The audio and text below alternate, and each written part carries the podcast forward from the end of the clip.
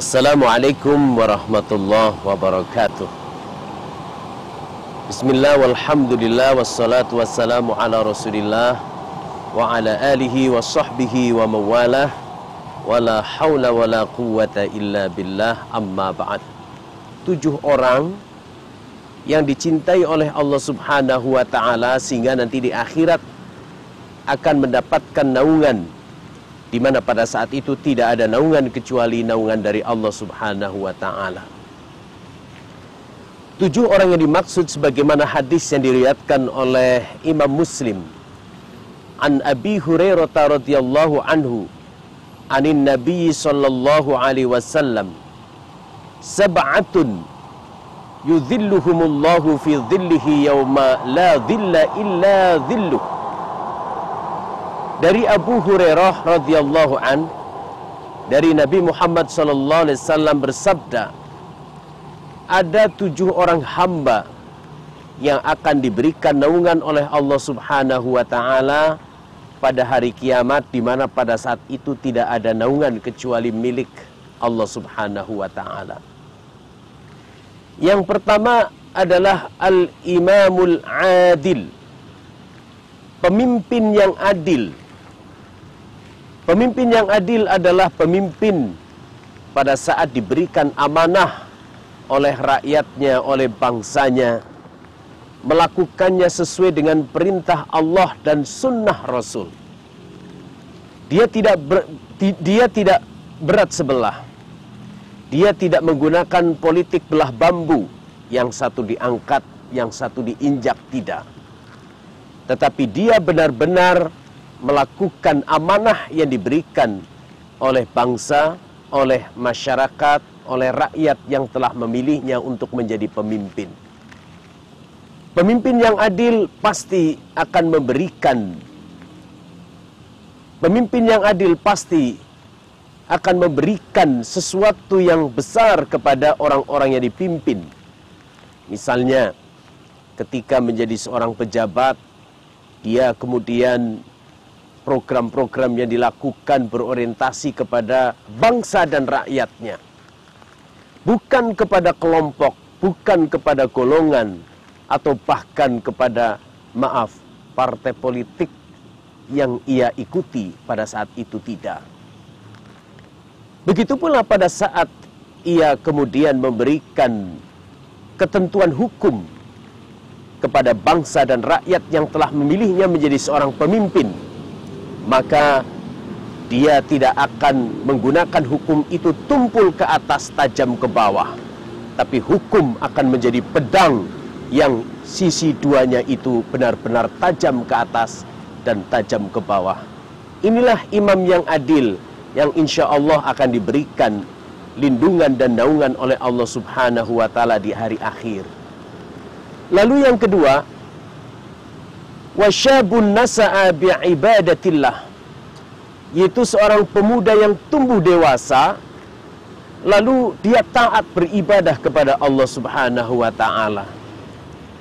Bayangkan saat sekarang ini eh, para pemuda lebih cenderung untuk menggunakan waktunya bermain game misalnya atau menggunakan gadget tanpa kenal waktu tapi ada seseorang yang dirinya masih begitu belia tetapi senantiasa hatinya bergantung kepada Allah Subhanahu wa taala dengan melaksanakan ibadah ritual seperti sholat, zakat, membaca Al-Quran, dan seterusnya.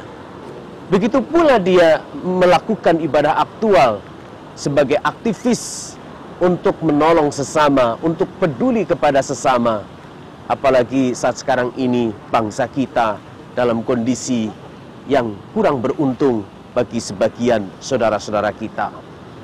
Maka orang-orang yang semacam inilah kemudian kelak akan mendapatkan naungan dari Allah Subhanahu wa taala. Lalu yang ketiga adalah warajulun qalbuhu muallaqun fil masajid orang yang hatinya senantiasa bergantung kepada masjid. Maksudnya bukan orang yang selalu berpikir tentang masjid, tidak. tetapi dia memiliki orientasi hidupnya masjid.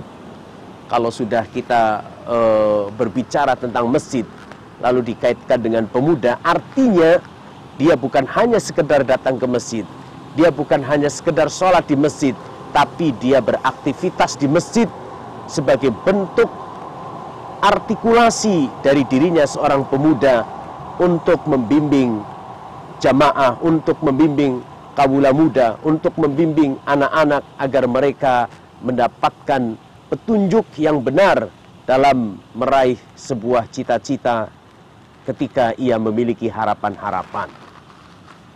Lalu yang keempat adalah warujulani tahabban fillah ijtama'a alaihi wa tafarraqa alaihi.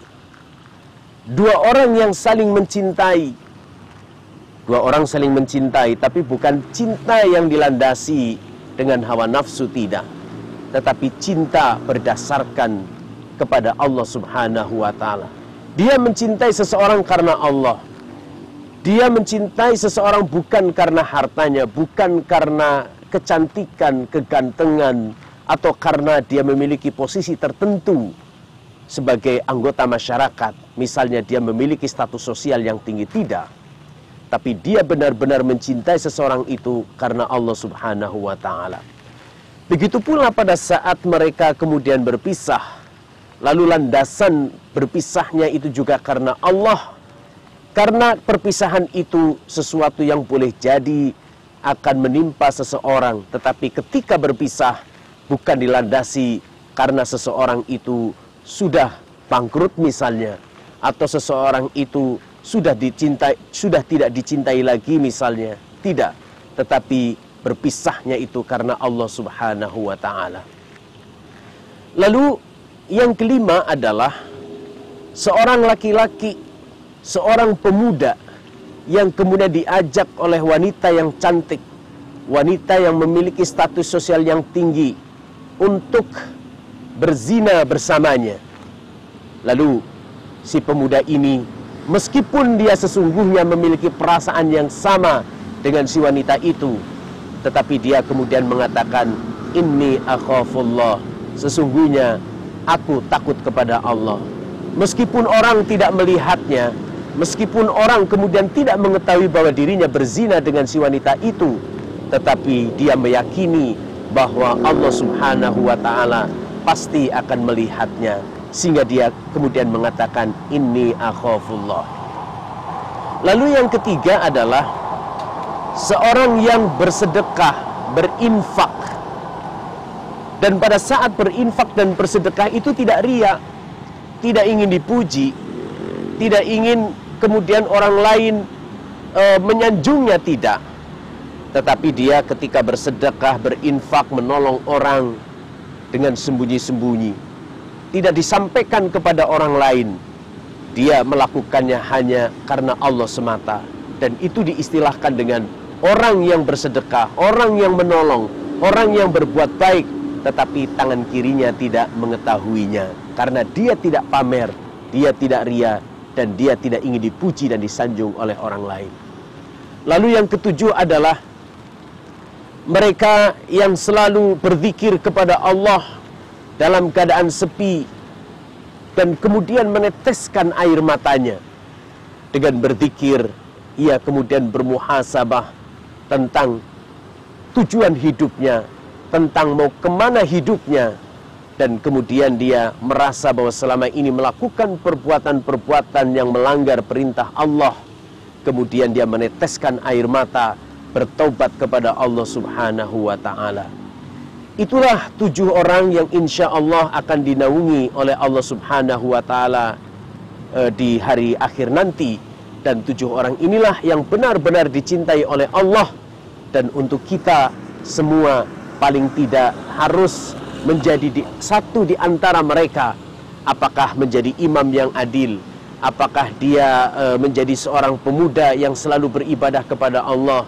Atau seorang pemuda yang kemudian hatinya senantiasa bergantung kepada masjid atau orang yang men saling mencintai karena Allah atau kemudian orang yang e, bersedekah tetapi tidak pamer dan tidak ingin dipuji atau menjadi seorang yang senantiasa berzikir kepada Allah dalam kondisi yang sepi kemudian dia menyadari akan kesalahannya dan meneteskan air mata. Mudah-mudahan kita menjadi salah satu di antara tujuh hamba Allah yang dicintai dan akan mendapatkan naungan dari Allah Subhanahu wa taala di akhirat kelak. Amin ya rabbal alamin. Wassalamualaikum warahmatullahi wabarakatuh.